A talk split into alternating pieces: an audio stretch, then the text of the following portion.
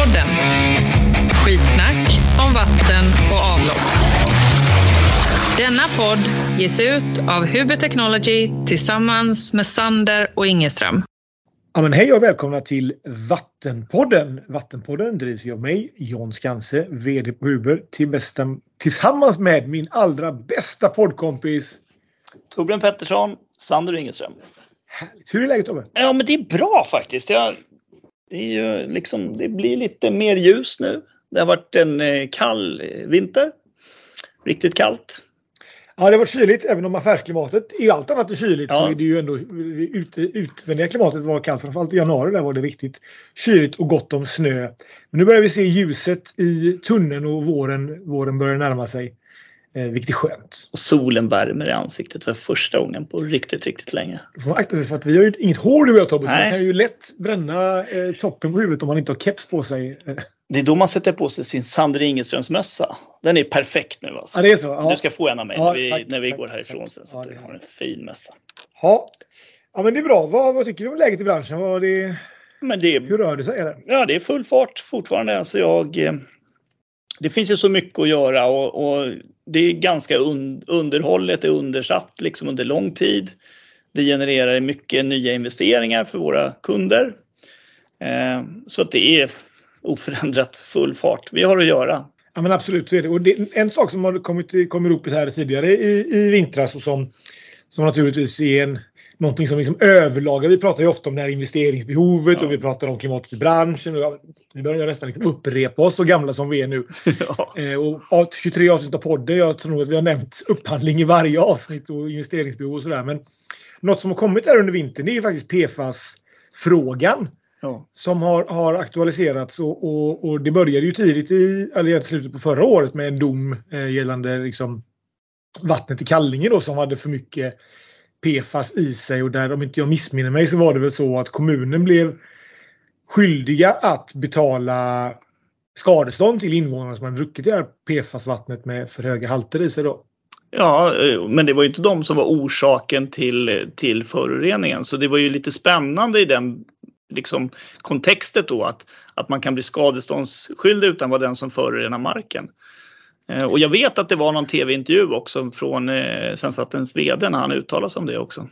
Ja, och det, det blir ju någonstans är det väl de här brandövningsplatserna som ligger bakom det hela, till stor del i alla fall, där man hade mycket PFAS i, i brandskummet som man övade på de här flyg, flygfälten gärna och militären var väl kanske till och med oftast de som låg på de här ställena. Så där finns ju orsaken till att det finns. Men det är ju ett ganska nytt problem egentligen. Jag tror inte man liksom har, har tittat på PFAS förrän kanske i mitten på ja, typ runt 2000. Nu kanske jag är helt fel ute men i min värld var inte problemet uppfunnet före 2018 i alla fall. Nej, jag tror inte jag hörde talas om PFAS innan dess. Liksom. Så att, ja, det, är, det är en ganska ny företeelse för oss också. Men nu har det ju varit de väldigt på tapeten då. Eh, och det var inte, inte så länge sedan som det fanns en undersökning på SVT också när man kollade hur många kommuner, för gränsvärden kommer ju ändras nu. Nu får du rätta mig John, du är ju siffer, sifferguru. Men jag- jag har för mig att det var 90 nanogram per liter va? Det stämmer. Det, och den, den begränsningen gäller väl fortsatt. Ja, i två år till om jag Precis. förstått det rätt. Eh, och nu ska det ändras till endast 4 nanogram då. Om två år. Ja. Och det är ju inte ens en, en 50-procentig sänkning utan det är ju en, en 95-procentig sänkning om jag räknar lite snabbt. Nu är man ju ingen mikrobiolog. Jag vet inte hur farligt PFAS är egentligen. Liksom. Det har jag ingen aning om. Men, men jag tänker att, att det är lite spännande också att det som tidigare eller nu idag är okej att dricka då. Som är som ett livsmedel. Om två år är det inte okej längre. Så jag tar lite vatten här och så ser vi om det smakar PFAS. Nej, det var ingen större fara med Stockholmsvattnet i alla fall. Nej, det där är ju norrvatten faktiskt. Ja, att, det. eh, och det vet jag i den här SVT-undersökningen att norrvatten var inte en av dem som hade eh, liksom som idag har högre gränsvärden än vad man är tillåten att ha om två år. Då. Så de klarar sig under de här fyra då. Ja, de var i alla fall inte med på listan. Nej, det det. borde de ha varit om, Ja. om det. Men det, för det är lite spännande som du säger att, att det är inte farligt idag att ha ett gränsvärde på 90 nanogram. Men om två år så är det farligt. Och då måste vi göra allt för att undvika det. Ja. Och så undrar man ju vad det är, på vilket sätt det är farligt. Och om man lyssnade lite på de här personerna i Kallinge där som var intervjuade av SVT så fann, de hade ju fått sjukhussymptom. Det, det var ju faktiskt, där var det ju farligt. Nu ja. vet jag inte vilken gräns man hade där nere men det var säkert högre än 90 då kan man tänka sig. Det får vi hoppas i alla fall ja. så att det, det gränsvärdet som finns som man har överträffat inte är Ja, men det är spännande och det är lite läskigt och det var ju en sån skandal i USA för det var ju länge sedan i och för sig när de hade blyledningar som gjorde att man blyförgiftade folk i, i, i städer också. Så att det. det. är ju lätt att tro att dricksvatten är, är, är okej okay, och det är det ju oftast. Vi ska ju inte måla, vi ska inte skapa någon skrämselpropaganda här men, men likväl så, så, så, eh, så är det intressant att helt plötsligt blir någonting som är ofarligt idag blir farligt imorgon. Eh, och det i sin tur får ju en implikation på, på, på investeringar tänker jag. Ja, nu var vi tillbaka ja, där igen. var vi tillbaka där igen. det, finns en, ja, men det, det, är alltså, det är spännande då att förstå vad, vad blir effekten av att man ändrar ett gränsvärde. Jo, men det blir ju att många vattenverk måste uppgradera sina, sina processer igen. Liksom. Ja. Och sen så tänker jag kanske också kring det att investeringsbehovet är stort som det är och nu kommer det här on top då liksom på, på det liksom. Så ska det byggas. Det är någon som ska göra de här förändringarna. Det ska levereras de ska leverera dem. Eh, och så har man två år på sig i princip. Det känns stressigt. Ja, man blir ju nästan lite svettig och får börja, får börja lägga ut lite annonser efter, efter människor som kan hjälpa till att göra det här.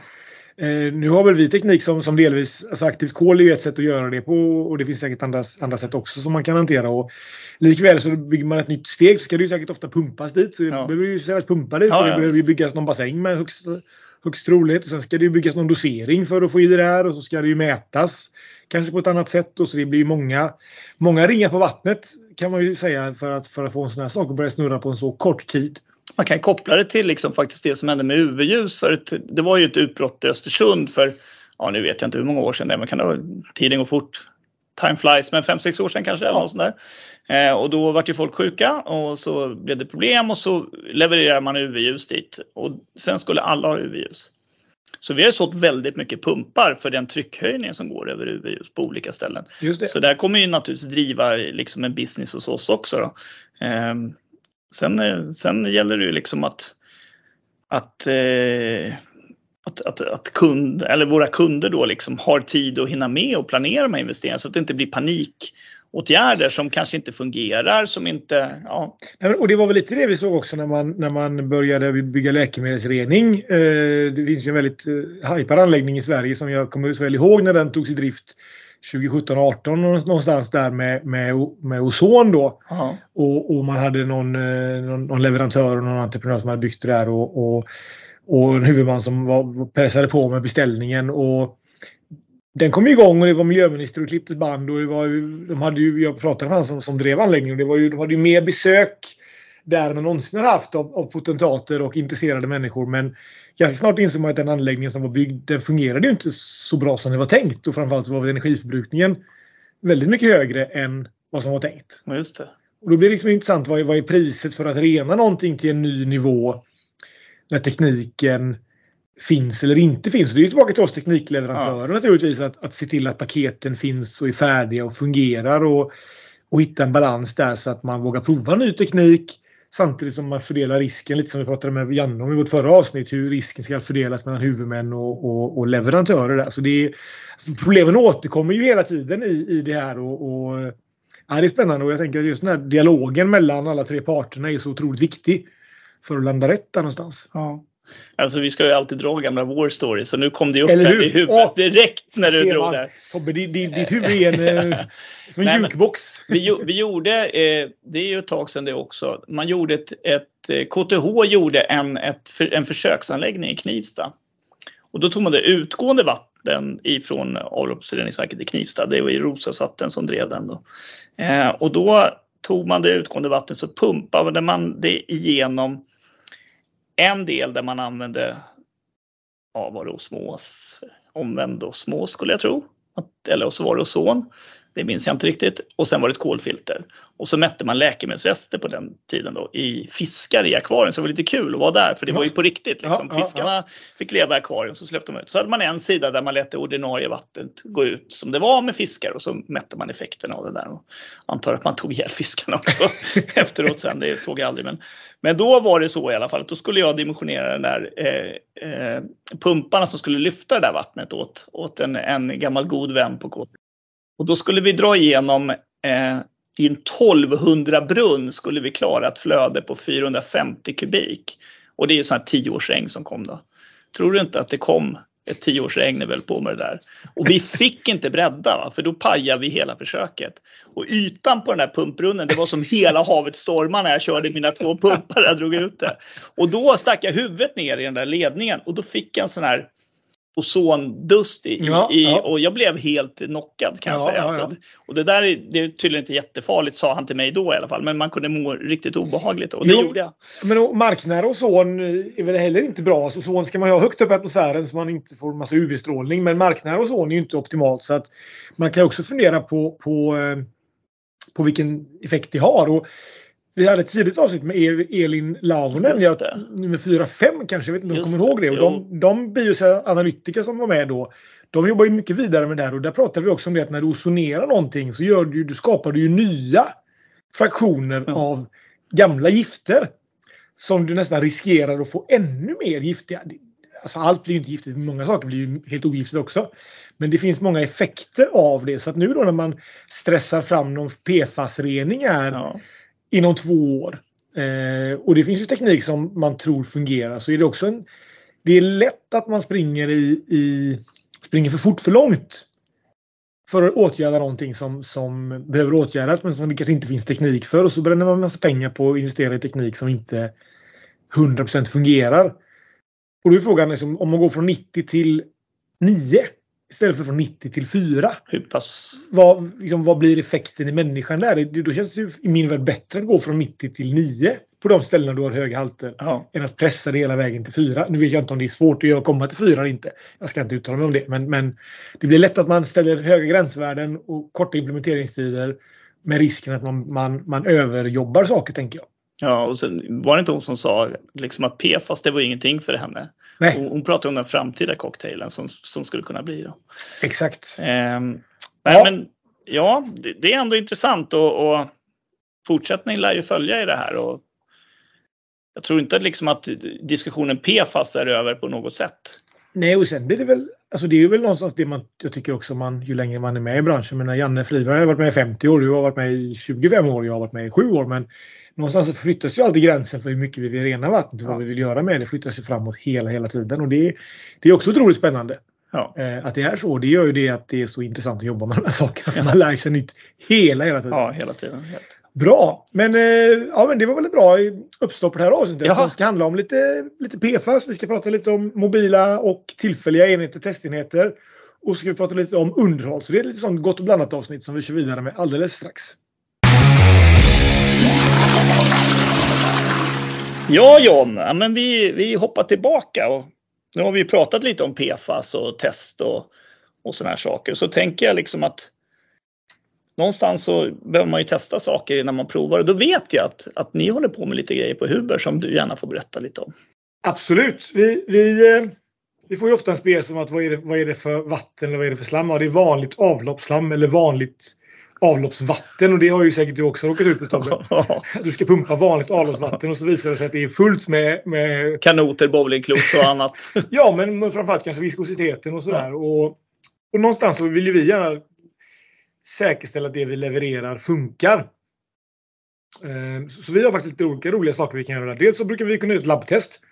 Vi har ett labb i Lindome där vi kan göra lite enklare tester på vatten eh, och vi kan framförallt göra lite jar-tester för att se hur olika fällningskemikalier funkar på olika vatten. Och på slammet så kan vi simulera avvattning och förtjockning och, och prova det i lite, lite bänkpress där för att inte bänkpress som man bygger muskler av utan mer en, en slampress på bänk där man provar hur, hur vattnet avvattnas eller hur slammet avvattnas och sådär. Skickar kunder in ett, ett prov till er då eller hämtar ja. ni eller hur funkar det? Det beror lite på de här offensiva säljarna. Vi, vi, ska vi göra en bra analys så vill vi gärna ha en time slott där vi har ja. liksom resurser redo att göra analysen i labbet då. Eh, men de offensiva säljarna kommer ibland hem med en dunk slam. Okay. Då får man göra det lite på uppstuds. Men, men normalt sett så brukar vi liksom bestämma en tid och så skickar man in en, en dunk slam. Och det, går ju, det är ju en femliters dunk. Okej, okay, det är inte mer än så man behöver. Sen är vi lite noga med att det ska vara, det ska vara vanliga saker. Vi vill inte hålla på med farliga saker. Alltså det finns ju hur mycket industrivatten som helst som kan vara tokfarligt. Ja, det vill vi inte röra. Nej, men däremot liksom, vanligt avloppsvatten är ju, det är ju rimligt ofarligt så det, det kan vi hantera. Liksom. Eh, så provar vi det och då kan vi dra lite slutsatser och så får vi också bra ingångsvärden på hur vi ska dimensionera våran process för att det ska fungera. Liksom. Så det är ett bra test. Och känner vi att det funkar så har vi lite olika liksom, testenheter i form av slamavvattnare eller flotationer som vi kan eh, komma ut på plats. Slamavvattnare har vi en, en i ett, det är som en husvagn. Jaha. Så man hänger på en, en, vi har en lite större, större pickup och så drar vi ut med den. Och så kan vi pumpa upp slammet ur slamlagret och så kör vi det, har vi polymeranläggning och vi kan laborera med olika uppehållstider och vi kan laborera med olika typer av inmixning av polymerer och hur mycket polymer vi ska köra och, och sådär för att hitta ett optimum för det slammet. Och så kör vi in det i vår slampress och så provar vi då under realistiska förhållanden hur mycket vi kan avvattna det då. Eh, och det visar sig då att när vi gör de här labbtesterna då får vi ofta Många gånger kan vi säga att det här kommer inte gå att avvattna. Med den här typen av, av utrustning eller med, med, med liksom olika anledningar. För att det kanske inte ens finns, finns liksom fiber nog. Eller det, liksom, jo, det finns inget, slammet är dött. Liksom, det finns ingen ja. laddning det så polymeren biter inte. Eh, men fördelen är också att vi kan prova vilka polymerer som funkar. Om de ska vara anodiska eller katodiska tror jag det heter. Jag är inte expert på det där. Men det beror på laddningarna. Och då kan vi börja den riktiga provkörningen på en bit fram så istället för att ställa oss och labba fram det på plats så vet vi ju vad som borde funka. Och så kan vi prova då. Då kan vi mer finjustera och se vilka olika parametrar som påverkar avvattningen då. Så det brukar vara ungefär en veckas, en vecka. Vi kommer upp måndag, etablerar oss, provar tisdag, onsdag, torsdag, avetablera fredag och så kommer det en, en ganska gedigen rapport sen vad, vad slam, hur slammet fungerar då, med, med våran avvattningsteknik. Gör man det vid ett tillfälle då eller gör man det vid flera tillfällen? Vi brukar göra det vid ett tillfälle men då är det lite viktigt också att vi tar återigen ett slamprov för att titta på hur slammet ser ut där och då. Ja, just det var det jag tänkte. Ja, men för, för att det har vi varit inne på att du kan ha säsongsvariationer och tar du ja, men, återigen skidorter och sommarorter där du har mycket septik på sommaren. Ja. Det kan ju vara en, en gammal en gammal septiktank som har stått ett år. Svårt av. Den är ju rätt död. Ja. Medan färskt fint slam från, från campingens septiktank som fylls upp vecka efter vecka är ju inga problem att avvattna. Så det där är ju en, en, en, sammansättning som man behöver ha koll på. Det är också bra för då kan man, det har hänt att vi har sålt utrustning till, till, till avloppsreningsverk och så funkar det jättebra. Och sen efter ett halvår när vi har kört igång det och det funkar så bara, nej men det funkar inte alls. Och då kan man göra en analys på slammet som kommer då jämfört med det vi hade testat på och se att ja, men nu har ju ditt pH-värde gått upp från D till E eller ner. Eller din laddning har förändrats. Och ofta innebär det att du behöver byta en polymer. Ja, kanske lite pH-justera. Ja, okay. Men då någonstans kan du ge den typen av råd istället för att hamna i en diskussion kring att utrustningen inte fungerar. Den fungerar ofta alldeles utmärkt utan det handlar snarare om variationen då. Och det gör väl också då till dig när man driftar sitt reningsverk att ja, men, det finns många parametrar som man kanske inte tänker på egentligen som blir viktiga när man liksom förfinar utrustningen och vill komma till högre och högre resultat. Samma sak med, med vattenreningen, liksom att ju bättre resultat du vill ha desto känsligare blir processen på slutet när du närmar dig liksom ditt, ditt maximum av rening. Då. Så det är en sak som vi tycker är väldigt roligt och, och på vattensidan så jobbar vi ganska mycket med flotationer. Det är vi bra. Då har vi byggt en, en liten testenhet där också så vi kan göra ett litet flotationstest i labbet. Se att det blir slam, flytslam och, och, och sjunkslam Eh, och sen har vi byggt en i plexiglas. En, en liten så man ser hur ser mikrobubblorna tar tag i, i partiklarna, hur de flyter upp och de tyngre partiklarna sjunker ner och så ser man liksom flotationsprocessen då. Så har man lite som, som en, nästan som en fönsterskrapa som vi drar av flytslammet med. Som vi då också kan testa. Så att någonstans så kan man ju undvika dyra logistik. Alltså vi har ju riktiga uthyrningsenheter i container och sådär men det skicka en container till Bordö liksom, det är ju mer än vad hela anläggningen kommer kosta när du hem den igen. Så att, att, kunna skicka den här lilla utrustningen är också väldigt, väldigt coolt. Och det funkar faktiskt också för att rena väldigt små flöden. Så vi hade en kund som hade ett litet flöde under en viss kort period. Som vi faktiskt, så vi hyrde ut vår testenhet. Så vi kan stå och jobba på det lilla flödet tills det flödet var liksom slut i deras produktion. Okay. Så det finns många roliga möjligheter. Men är det industriella kunder då till de här flotationerna mest då? Eller det är inte så mycket ytvattenverk? Och så Nej, det, det, är mest industriella kunder ja. då. Där kan det ju vara både Ja, det är mycket livsmedelsindustri ja, eh, som kommer in där med, med fett och, och fiber och, och sådär. Så det finns många olika varianter. Sen har vi, sen har vi också i 20-fotscontainern en liten minsta standardflotationen då som vi också kan, kan ta fram för att, för att prova eller för att köra tillfällig drift. Just det. Just det. Eh, och det kan ju ofta vara, ofta är det så, det kanske inte, jag tänker att, tycker du att dina industrikunder har Ligger de på förkant i sina beställningar eller ligger de på efterkant? Nej, efterkant. Ja, det har hänt även i våran vattenreningssida. Nej, inte alla när man ska Nej, hårdra sig. naturligtvis. men eh, många har inte planerat. Men, och det, jag, jag tänker att det är logiskt. Du är duktig på att baka, baka ditt bröd Mm. eller koka din sås. Ja. Och sen så kommer, kommer kommunen och säger att du måste liksom skärpa dig när det gäller ditt, ditt, ditt avloppsvatten. Ja visst säger du och så jobbar du på att koka mer sås för du måste koka ihop pengar till, Ja, ja. till ett reningsverk ofta. Eh, och sen så liksom, så det är ju egentligen inte först från kommunen hotar med vite kanske som du, Som det blir. som du Ja. eh, liksom ser, ser döden i vitögat. Och då är det ofta väldigt bråttom. Ja. Så då har vi dags att ta tillfälliga drifter genom att hyra ut de här mindre flotationerna för att i vart fall ta en del av flödet och blidka kommunen lite grann för att komma undan från viteskravet medan man beställer, projekterar och levererar den, den riktiga utrustningen. Då. Eh, och, så det har vi också framgångsrika med och, och vi kan erbjuda det för hela den svenska marknaden, Norge och Finland också. Då. Så det är, det är spännande på flotationssidan och sen på avvattningssidan så har vi verkligen liksom uthyrningsenheter. Klassiskt det att tömma en rötkammare till exempel. Ja. Det är ju inget roligt jobb Nej. för någon. Eh, och slammet ska ju ur den. Ja. Eh, och då kan man först ta en, en slampress som vi har på en uthyrningsenhet på ett skid. För att sila slammet. För att få undan eh, Trasorna och fibrer. håret och vad som nu hamnat i slammet. Och sen så kör du in det i en tillfällig avvattnare då som vi ställer dit på container. Och då har vi både en, en 20 fots och en 40 fots. Så det finns i, i, olika, i olika storlekar för olika behov. Och då, och då avvattnar du för att du inte ska behöva köra, transportera bort vatten i princip. Då. Precis, precis. så. Och det är ju även, så du har ju tillfälliga drifter. Det har ju hänt kanske att den befintliga maskinen har på riktigt gått sönder. Ja, ja. Beyond repair om man Ja, säger så.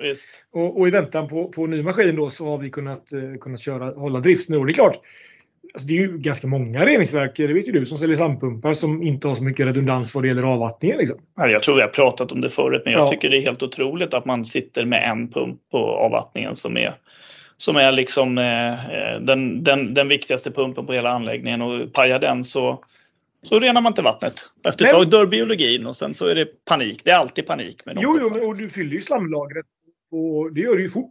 Ja. Och när slamlagret är fullt efter fem dygn så, så är det fullt. Och Då då får vi börja komma med sugbil och köra bort det till grannens reningsverk och hoppas att han vill ta emot det. Ja. Och den sugbilsfirman tycker ju det är ett trevligt jobb. För det är bara att åka, släppa ner slangen, fylla bilen, åka till nästa ställe och tippa av det. Liksom. Men, Ja. men eh, det går ju fort kommunpengar till, till den typen av det här. Så att där kan vi absolut ofta kunna bistå med en, med en tillfällig avvattning. Mm. Så det, det har vi spännande prylar som, som löser de problemen. Det är lite intressant med, med uthyrning och sådana saker. Ja, hur, hur är pumpsidan? Jag tänker överpumpning och Alltså danskarna höll ju på med någonting. De skulle ju koppla om någon ledning i Köpenhamn. De Ja. skulle ju typ fylla Öresund med skitvatten. Det var ju på, på tapeten för två, tre år sedan. Ja, vi, Är det något som ni håller på med? alltså vi håller ju på med överpumpning alltså i form av att vi säljer färdiga, färdiga aggregat. Men, men ni har ju tagit ett steg längre i, i uthyrning. Då.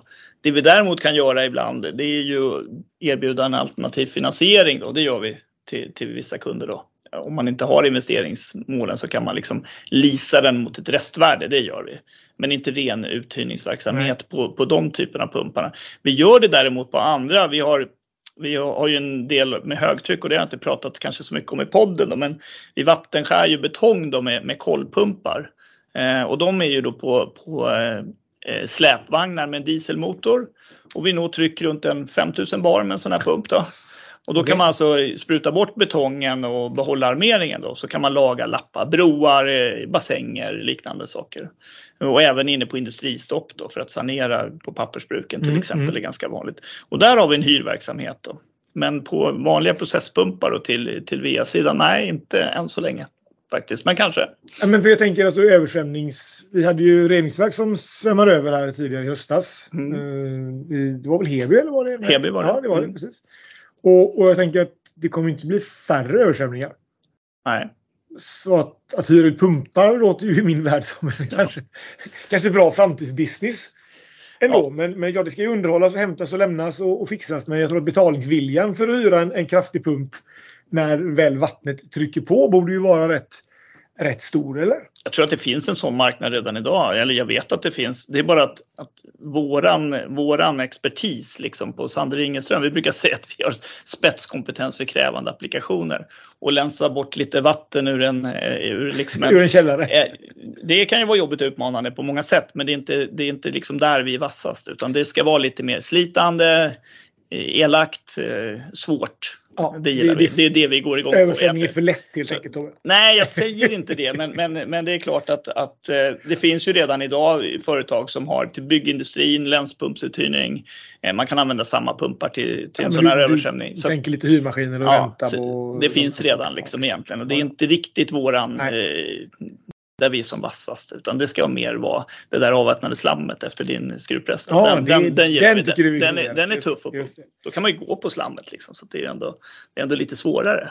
Varför göra någonting enkelt när man kan ta utmaningen? Men, men vilka levererar den här enkla typen av pumpar? Vågar vill du säga? Ja, det kan jag säga absolut. Alltså, det finns ju, fabrikaten är ju Grindex till exempel då. Eh, sen har ju Xylem sin som jag tror heter Reddy eller något sånt. Jag minns ja, inte vad de heter, ja. men det är ju dränkta pumpar då. Och det är ju inte riktigt våran, nej, våran nej. vi levererar lite. Men vi är en marginell spelare där ja, faktiskt, ja. måste jag erkänna. Nej, nej, men så är det. Man har ju, sina, man har ju de sakerna man är bra på. Det är samma som vi tittar ju inte på slamskrapor eller, eller sandfilter egentligen överhuvudtaget. Det är ju liksom inte våran, det är inte våran där är inte vi så bra och har inte mycket kunskap om det. Liksom. Men med det sagt så man, man kan ju förändras också. Det beror ju lite på liksom eh, hur branschen utvecklas också då. Därför att det är klart att i en framtida, om man ska liksom visionera ut i framtiden och tänka så här att ja men ett reningsverk har ett behov av, av eh, liksom en slampump. Det är ju inte nödvändigtvis så att det är rätt, rätt eh, modell för kunden att köpa den här eh, maskinen som en vara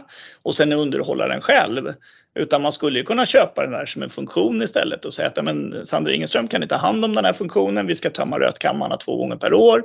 Eh, ja visst, absolut. Vi skriver ett serviceavtal med dem och åker dit ut och renoverar pumpen innan man ska köra till exempel. Ja, det beror ju alldeles på vilka behov kunden har. Ja. Eh, och jag vet att det finns kunder som är intresserade av det här. Eh, men kanske mer inom industriell rening skulle jag säga än vad det är på, på den kommunala sidan där man vill ha det mer in-house på något sätt. Det var lite som Andreas pratade om i podden. Att de, de, de kommunala organisationerna är ju bra på att drifta. Ja. De är ofta bra ja. på det. Liksom. Men jag kan samtidigt tycka att vi upplever ändå... Alltså, vi pratar, vi lägger till fler och fler reningssteg och vi ska rena bättre och bättre vilket gör också att utrustningen vi säljer och helheten blir ju mer och mer avancerad. Absolut. Eh, så jag, jag har faktiskt funderat lite kring om man skulle jobba mer med, med ett liksom driftavtal på saker och ting. För vi, vi upplever ju ändå att även om våra maskiner är förhållandevis underhållsfria så behöver de ju tillsyn och rengöring och liksom sådär för att fungera optimalt. Även, även om de fungerar kanske lite mindre, prestandan kanske går ner något om du inte sköter det så fungerar de ju ändå. Men det är klart att och det kanske inte hinns med menar jag i de här organisationerna. Eller så lär man sig inte hur man ska göra. Så någonstans tror jag att en driftsorganisation för att hålla utrustningen tip-top shape nog, alltså ett driftsavtal istället för ett serviceavtal tror jag skulle vara, kunna vara en intressant framtida grej också. Liksom. Jag ser ju en teknikutveckling åt det här hållet hos några av våra partners där man, ja. där man egentligen med, med ja, inte riktig AI då, men, men en typ av logiska kopplingar kan liksom, jag menar vibrationsmäta pumpen, mäta tryckflöde eh, och kunna förutsäga att ett föregående driftstopp till exempel än så länge idag så är det lite svårt för det är ju inte så många anläggningar som vill att vi liksom tar ut data ifrån deras anläggning. Det är nog mer där hindret sitter och mm. med säkerhetsläget som är idag som har varit de sista månaderna egentligen så är det klart att det blir ändå mer stängt att, att dela med sig information i, i, utifrån sina anläggningar. Så den rollen vi har egentligen det är kanske mer i hos kunderna eh, utbilda dem, förklara för dem. Så här kan ni tänka och så här kan ni göra. Mm. Och sen kanske sälja sån här eh, logisk utrustning i samband med leveransen då, mm. och så får kunden själv ta hand om ja. liksom, all data och så kan vi ju tända en lampa och säga att nu, det, nu, nu kommer det gå sönder. nu är det slitet. Ja, det kommer gå sönder. Mm. Ja, men så är det och jag tror jag pratat om det. Vi jobbar ju med de här magnetiska eh, slitage. Så länge, så länge det inte är slitet så finns det magnetism kvar som gör att givaren säger att det, det är ja. okej okay. och sen så när det inte finns någon magnetism kvar så tänds lampan och så behöver man byta ut den. Liksom. Så det är, ju, det är ju den enklaste vägen av det där. Eh, och en annan sak som vi kommer jobba med, med är också kanske utbildning faktiskt av inte bara så här driftar du maskinen utan det här är den processen kring maskinen som, som du behöver förstå för att kunna drifta den optimalt. Och det känner vi ett ökat sug av hos, hos huvudmännen att, att skicka sin personal på den typen av utbildning som är liksom bortanför den rent måndag till fredag driften liksom, utan en större förståelse för vad, vad, vad som händer i det här steget. Liksom. Vilket jag tycker är jättefint att, att vi har kommit dit. För att förut så var det liksom mer att ja, men man åkte på ett fabriksbesök för att kolla kvaliteten på produkterna när de kom ut och hur de tillverkades och hade lite kul. Ja. Medan idag fyller man det mer med, med en utbildning och det är inte konstigt för beställarna heller att, att åka eh, till oss eller till er Nej. och få en utbildning. Man får lite mer för eh, kunskap och eh, förståelse eh, för, för våran process och hur vi gör och hur vi jobbar. Och det som ofta, jag har ju haft flera beställare samtidigt då. Ja. Med, och då får de ju ofta lära sig varandra nätverka lite i businessen och det tror jag också är, är jätte, jätteviktigt. Ja, nej men det, det finns eh, det finns spännande saker att göra på den mobila sidan och det finns kul testenheter att göra och det finns nya, nya, nya problem att lösa. Så att jag ser en, en ja, det, finns, det kommer bli mer mobilt i våran bransch i alla fall och du kanske kommer snöa in på det till slut också när du ska hantera alla översvämningar som kommer. Ja, eller så levererar jag till dig John, Det tänker jag. det Du funkar kan få köpa Det funkar också. mig. Det funkar. också. Bra, bra. Ja, nej, men vi pratade om underhållsmässan som kommer upp här i vår alldeles, alldeles strax.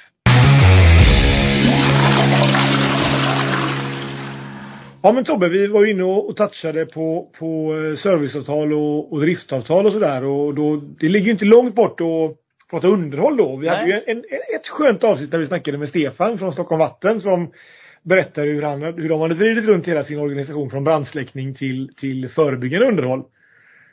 Ihåg det? Ja, ja absolut. Ja, Vet du? Stefan var här för inte så Jaså? länge sedan. Han har ju gått i pension nu, Stefan. Jaha, okej. Ja, Så ja. han var här och, och Han så borde hjälpte kunna konsulta som hur man bygger underhållsorganisationer tänker jag. Ja, det, det tror jag att han skulle kunna göra. Ja. Men han var nog ganska nöjd att gå i pension som det, som det kändes. Så om du lyssnar Stefan, så tack för att du kom hit och, och drack en sista kaffe med mig. Det var kul. Trevligt. Men, men då pratar vi underhåll då. Ja, Och eh, vi hade ju en fantastisk mötesplats med, på Svenska mässan, Svenska mötesplatsen som vi vill döpa om det till Ja. i Göteborg i, Ja. i eh, höstas där. Och nu kommer ju underhållsmässan. just det. Just det. Och eh, där vi är inte riktigt där än från Hubers sida. Nej. Det beror på att våra grejer inte behöver underhållas. Ah, okej. Inte att vi, är så nödvändigt. Okej. Men du Tobbe med dina slitna pumpar och sådär. Ja. Skämt åsido naturligtvis. Vad, vad, ni ska vara där. Ja, nej men vi, vi tycker att det är en, en ganska bra mässa, underhållsmässan. har varit historiskt med undantag för pandemin när vi stängde underhållsmässan på torsdagen där. Det är ju, nu minns jag inte hur många år sedan, fyra år sedan kanske det är. Ja. Eh, då vi fick slå ihop då. Mitt i pandemin så hade vi ställt ut, vi hade en besökare. Eh, det var Conny på Stockholm Vatten som hade kommit ner ändå. Eh, jag tog en middag med Conny. Heja, Conny. Eh, och sen åkte han hem och vi åkte hem. Eh, ja men det, det var så. Det var liksom, det kom ingen alls Ja, mässan. ja, ja, det var helt, alltså det, det var då man förstod att det var en pandemi. Vi, jag hade inte hajat att det var en pandemi och det hade inte Svenska Mässan heller förstått. Men då kom ju restriktionerna mitt, mitt under den här mässan då och då var det bara att slå ihop och åka hem då egentligen. Sen var det stort, de betalade tillbaka sin utställaravgifterna och Ja, det var så. Ja, Ja, så det var absolut. snyggt ändå. Ja, Snyggt snyggt. Hatten av för, för Svenska Mässan i det. Eh, Men nu är det nya, ny, mässa då. Eh, Så det blir den eh, andra mässan sedan pandemin och den går då den 12 till 15 mars på Okej. Svenska Mässan. Mm. Och vi har, vi har satsat på där så vi har en stor monter. Så ni får jättegärna komma till oss på B0852. Och har ni inte biljetter och sådär så kan ni mejla mig så får ni biljetter också. Det går alldeles utmärkt. Men, men vad är liksom, vad är, vad är, för jag vet när vi pratar med Svenska Mässan kopplat till, till vatten 2023 så pratar de mycket om att det kommer mycket folk från reningsverken och underhållssidan och sådär. Jag, jag har inte riktigt hört samma sak från kunderna än, men vad är din uppfattning? Är det mest industrikunder som kommer dit som kanske har ett mer underhållsfokus eller är det också våra vanliga vattenverks vatten och VA-gubbar som kommer dit också och gummor naturligtvis. Ja, det är det som är roligt då, att det kommer både och, eh, Ja. det enkla svaret. Eh, Så det är ganska många VA-kunder som kommer dit. Ett av skälen att vi ställer ut naturligtvis. Men du har ju ändå en ganska stor industridel ja, också menar jag med vattenbildning och pumpning och, och och absolut. Eh, så det är allt ifrån liksom tillverkningsindustri som, som liksom underhåller tryck och pysgrejer i produktionsled till, till de som har hand om, om eh, vattenbilning till, eh, till processanläggningar, alltså underhållsavdelningar på pappersbruk, Volvo liknande. Då. Så det brukar vara ganska många besökare på det där och det är, det är det som är lite kul för det blir det är väldigt olika beroende på vilka som, som kommer. Då. Men, men vi tycker att det är en bra mässa. Och vi kommer att eh, visa en hel del nyheter på den där mässan också, så det blir lite roligt. kommer mm. lite nya produktsläpp där. Intressant. Kan inte kan säga än. Riktigt. Kan du outa lite grann? Det, var... ja, det kommer en ny kugghjulspump som, som är lite spännande, med, med, som blir lite mer modulbyggd än den varit tidigare, alltså med anslutningar. Så du kan välja lite mer var du vill ha anslutningarna från sidan, höger, vänster. Utan att behöva gjuta om hela... Utan att behöva gjuta om. Ja. Så mycket av de nyheterna handlar om modulbyggen kan man säga egentligen. Man använder samma plattform. Man kanske har en lagring till en pump till exempel och så kan man ha åtta olika hydrauliker och så kan man bygga ihop den här för att få snabbare ledtider egentligen. Det är det det handlar om, att, att kunna leverera pumparna snabbare än vad man tidigare eh, gjorde. Då. Men gör det också att du kan underhålla delarna på olika sätt? Att du kan ha liksom två av, av Ja, en del av den viktiga delen och två av den andra delen som slits och byter dem. Eller liksom, ja, jag, jag, jag är ju pumpidiot som du förstår så du får gärna förklara för mig. Nej, men om du, om du, vi kan väl anta att du jobbar på ett pappersbruk då för, för enkelhetens skull. Så har du 40 pumpar av ett fabrikat i olika storlekar. Med modulbygget så skulle du kunna ha ett antal reservpumpar som kan täcka hela rangen egentligen. Du behöver kanske bara byta impeller så kan, klarar du av, eller du behöver byta hus så klarar du av, eller behöver byta lagring så klarar du av och, och, och liksom få en redundans då på, på ditt lager helt enkelt. Ja, ja. Det är det ena. Sen är det ju naturligtvis så att en annan grej som drivs väldigt, väldigt eh, framåt är ju hur du gör underhållet och hur snabbt du kan göra underhållet. Så man har jobbat mycket på produktutveckling i form av att kunna byta rotor och stator med pumpen kvar i rörsystemet när man tidigare var tvungen att liksom ha passbitar och, och ja, sådana saker. Förbikoppla och Så teknikutveckling går framåt mot ja. bättre arbetsmiljö. Och det är kul att få visa på en mässa också. Det kommer mm. vi också ha på plats. Då. Och, men vilken, vilken, vilken del är det av pump, liksom, vilka kunder driver det? Mest, tycker du, liksom arbetsmiljöförbättringarna? Kommer det i industrisidan eller kommer det från den kommunala sidan? Eller ja, det är faktiskt den kommunala sidan skulle jag säga. Som, ja. I alla fall, vår största produkt är ju excenterskruvpumpar. Eh, som liksom är den största volymen och andelen pumpar som vi säljer. Eh, och där är det så att på den kommunala sidan så duger det med lite mer gjutjärn och enkla material egentligen för hus. Medan på processindustrin då till pappersbruket skulle det vara syrafasta hus. Och då är investeringskostnaden för att göra de här modulerna som man behöver varit högre på den syrafasta sidan än det varit på gjutjärnssidan. Därför har den produkten släppts först. Ja, ja. Sen börjar den smitta över sig nu på den syrafasta sidan. Då. Just det. Eh, så att det som vi har utvecklat för kommunerna det använder vi idag också ja, för processindustrin. Då.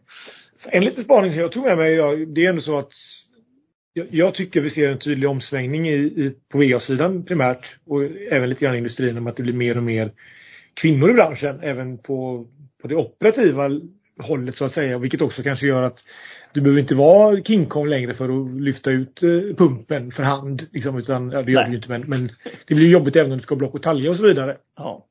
Så att liksom, det ställer också krav på oss leverantörer att faktiskt anpassa våra produkter för att vara lättare att underhålla för någon som inte drar 120 bänkpress utan Ja, det, det, är ju inte manligt att slita faktiskt. Det är ju inte det.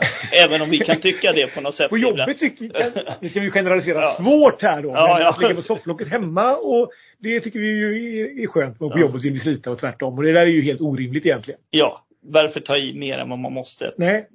så, är det. så det är klart att, att de typen av teknikutveckling, det kanske tilltalar våra kvinnliga kunder mer än de manliga på något sätt. Och de här manliga kunderna, om man nu ska generalisera och killgissa och det vi håller på med i podden, som är hela vårt koncept egentligen, eller vad säger du John? ja, men lite så ändå. Lite så, ändå. så, så är det ju så att, att eh, vi, vi eh, vi ser en större andel kvinnor där ute och jag tror saker som design börjar spela roll också. Det ska se snyggt ut. Absolut. Det brydde ju inte sig, alltså när man höll på med det här på början av 90-talet, det var inte någon som, då skulle det vara grovt och gjutet, men idag är designen en viktig del i parametrarna för att kunderna ska gilla dina produkter. Men jag tror också det, och det kommer man tillbaka till underhåll, men vi har ju sett, vi, pratat, vi, vi har ju pratat om snyggaste och fulaste reningsverket ja. som vi har sett. Jag har fortfarande inte kommit på något fulaste än. Jag, jag vågar inte outa det än, så jag håller på det lite grann. Men det är ju samma sak att får man något som är nytt och fräscht och lätt att underhålla och det ser man ju på nya reningsverk, men ta Borås till exempel. Det sitter ju en, en Kärcher högtrycksfett var 20 meter ja. och golvet har bra fall och har en bra beläggning som gör det lätt att hålla rent. Och då ja. blir ju arbetsmiljön och reningsverket så mycket trevligare att jobba i. Det är, skönt också... att, det är skönt att du outar det snyggaste reningsverket jag har varit på. Ja. ja, men, men faktiskt då. Och, och det gör ju att, att det, blir, det blir roligare att underhålla och det blir lättare att underhålla. Och det blir ju bättre att göra det så också. Liksom. Ja. Bara för att du håller på med, med det vi gör så behöver inte miljön vara taskig för det. Nej. Eh, sen man kan inte göra som i Norge när man bygger liksom personliga garderober med egen bastu och ren och smutsig sida per person. Det kanske är lite lite overkill men, men, men likväl så ska, behöver, måste, ska man ju ha en bra arbetsmiljö för att kunna göra ett bra jobb och fokusera på jobbet och inte fokusera på det. Och jag har ju varit något, något reningsverk där jag typ fick en sån här köttsmak i munnen av alla myggor som jag andades in när jag, när jag öppnade dörren. Det har ju hänt från gång till annan. Ja, ja. Och då kan man ju fundera på vilken teknik man har använt där när man lyckas samla det där. Liksom. Och så står det någon lite sån eh, UV-ljus, eh, sån här blå grej som de ska dras till. Det har myggorna fattat, för, fattat att den är farlig så de flyger inte dit längre. Liksom. Har jag berättat den War Stories om sådana myggfångare? Hade du en War Story till Ja, alltså? får, får jag ta den? Alltså? Ja, Men det är på ett slakteri faktiskt. Så, eh, då, då var det, alltså det var första gången jag började på Sander Ingenström. Och jag hade ju bara varit på VA innan då så att jag, avlopp det var för mig ingenting. Så jag tyckte att jag var lite kaxig liksom i, i att Kan jag- äck, äckelfaktorn, det kommer inte beröra mig. Så kom jag in på ett slakteri då där vi pumpade det som vi inte gör mat av eh, till biogassilo eh, egentligen. Och så kom jag in där och så stanken slog direkt i ansiktet och jag, jag måste säga att jag var så nära kräkas. Så att, eh, men jag, jag tänkte det är inte framför kunden, få hålla mig, få hålla mig. Och då låg det en pyramid med flugor under, under den där eh, eldödaren liksom. Och så kunde jag inte låta bli att säga så här, men varför rensar ni inte det här liksom? Det ser, det ser inte fräscht ut liksom. Ja men det är ju bara dagens skörd sa han. Oh, det gör, precis, det gör vi liksom. Ja, det gör vi. Så Ja. dusch på mig och ja. Det där är ju inte roligt. Nej, det, det är faktiskt. Avlopp är mysigt, luktar gott brukar jag säga. Så. Ja, Men är det inte, jag har varit på biogas en gång. Jag ska outa det att jag åker inte gärna dit. Alltså, det, det är det kan eh, Ja, det det, det sticker i näsan kan man säga och det sätter sig i kläderna. Du måste basta efteråt. Det är Ja, enda så. sättet att bli Ja. av med det. Alltså. det. Och det är bara att kasta kläderna. Om du, om du ska jobba mekaniskt inne på en biogas Ja, ja, så ja. måste du kasta dina kläder efteråt. Ja. Ja, men samtidigt är biogas bra. Framförallt i kristider så är det skönt Ja. att vi kan producera biogas. Och, Ja, ja. Och, eh, Det är en resurs. Ja men verkligen. Det, var väl, det var inte för allt för länge sedan Scania presenterade nya biogasmotorer till lastbilar faktiskt för att kunna driva, för att kunna köra tunga transporter och entreprenadmaskiner på, på, ett, på biogas. Vilket också kommer ur reningsverket. Så att det kommer ju både re, rent Ja. vatten och bra energi ur reningsverket. Det blir den där när slammet blev till guld. Kommer du ihåg Eller det? Vi hur? körde ett gammalt Men avsnitt det är ju fort- det är fortfarande. Så är det. Ja, vad bra. Nej men underhåll då. Det, det, det, ni kör hårt på den nu i vår och så ser vi vad det ger. Ja, välkomna allihopa som, Ja. som inte har bokat. Kom ner till oss på Svenska Mässan. Vi tänkte köra lite eh, mingel eh, en kväll, torsdagen eh, den veckan. Så då kommer vi öppet lite längre på montern och kan man få sig ett, en liten pilsner kanske eller ett glas vin och vill ha lite snitt och sådär. Trevligt, Trevligt. Eh, men ni får jättegärna komma de andra dagarna också. Så vi, Är det, tis, är det onsdag, torsdag? Eller vad är det, för, det är tisdag, onsdag, torsdag, fredag faktiskt. Ja, fredag också. Ja, så de kör fredag. Den är hård den mässan. Det är fyra dagar. Alltså. Oh. Det är lite hardcore. Ja. Spännande. Ja, det, jag ska definitivt boka in det och se. Det låter ju ändå som att många av våra kunder är där också så det kanske är ett läge för oss att... eh, Jag tycker du ska dyka upp titta på där. den Ja, mässan jag kommer förbi Mm, och ser hur gör det går. Bra! Nej men då så, då har vi diskuterat lite grann om, om eh, PFAS. Vi har pratat lite om, om mobila och tillfälliga drifter och testenheter och så vidare. Och vi har snackat underhållsmässan. Så det känns som vi har uppdaterat oss ganska bra på läget i VA-branschen för stunden. Ja, jag tänker det. Och sen tänker jag vi kan väl lite släppa att vi kommer ha en liten entreprenadpodd i framtiden också när vi bjuder in en entreprenör. Ja, precis. Vi, vi har ju pratat, har vi haft, Janne var ju konsult och vi hade ju eh, Andreas som kommer från huvudmännen. Ja, Och vi har ju ofta småhånat både konsulter och entreprenörer Ja. i den här branschen. Vi vågar inte småhåna huvudmännen. Klokt, klokt. tänker jag. Men, men eh, det är klart att, att vi ska låta entreprenörerna håna, håna leverantören också. Ja, så exakt. att vi har, eh, har en entreprenörspodd på gång in eh, som vi tänker att det kanske blir avsnitt eh, 24 om timingen står rätt. Men tills dess får ni hålla ut med den här lilla spaningen och så får ni ha en fortsatt trevlig vecka och tack för att ni lyssnar. Tack. Vattenpodden. Skitsnack om vatten och avlopp. Denna podd ges ut av Huber Technology tillsammans med Sander och Ingeström.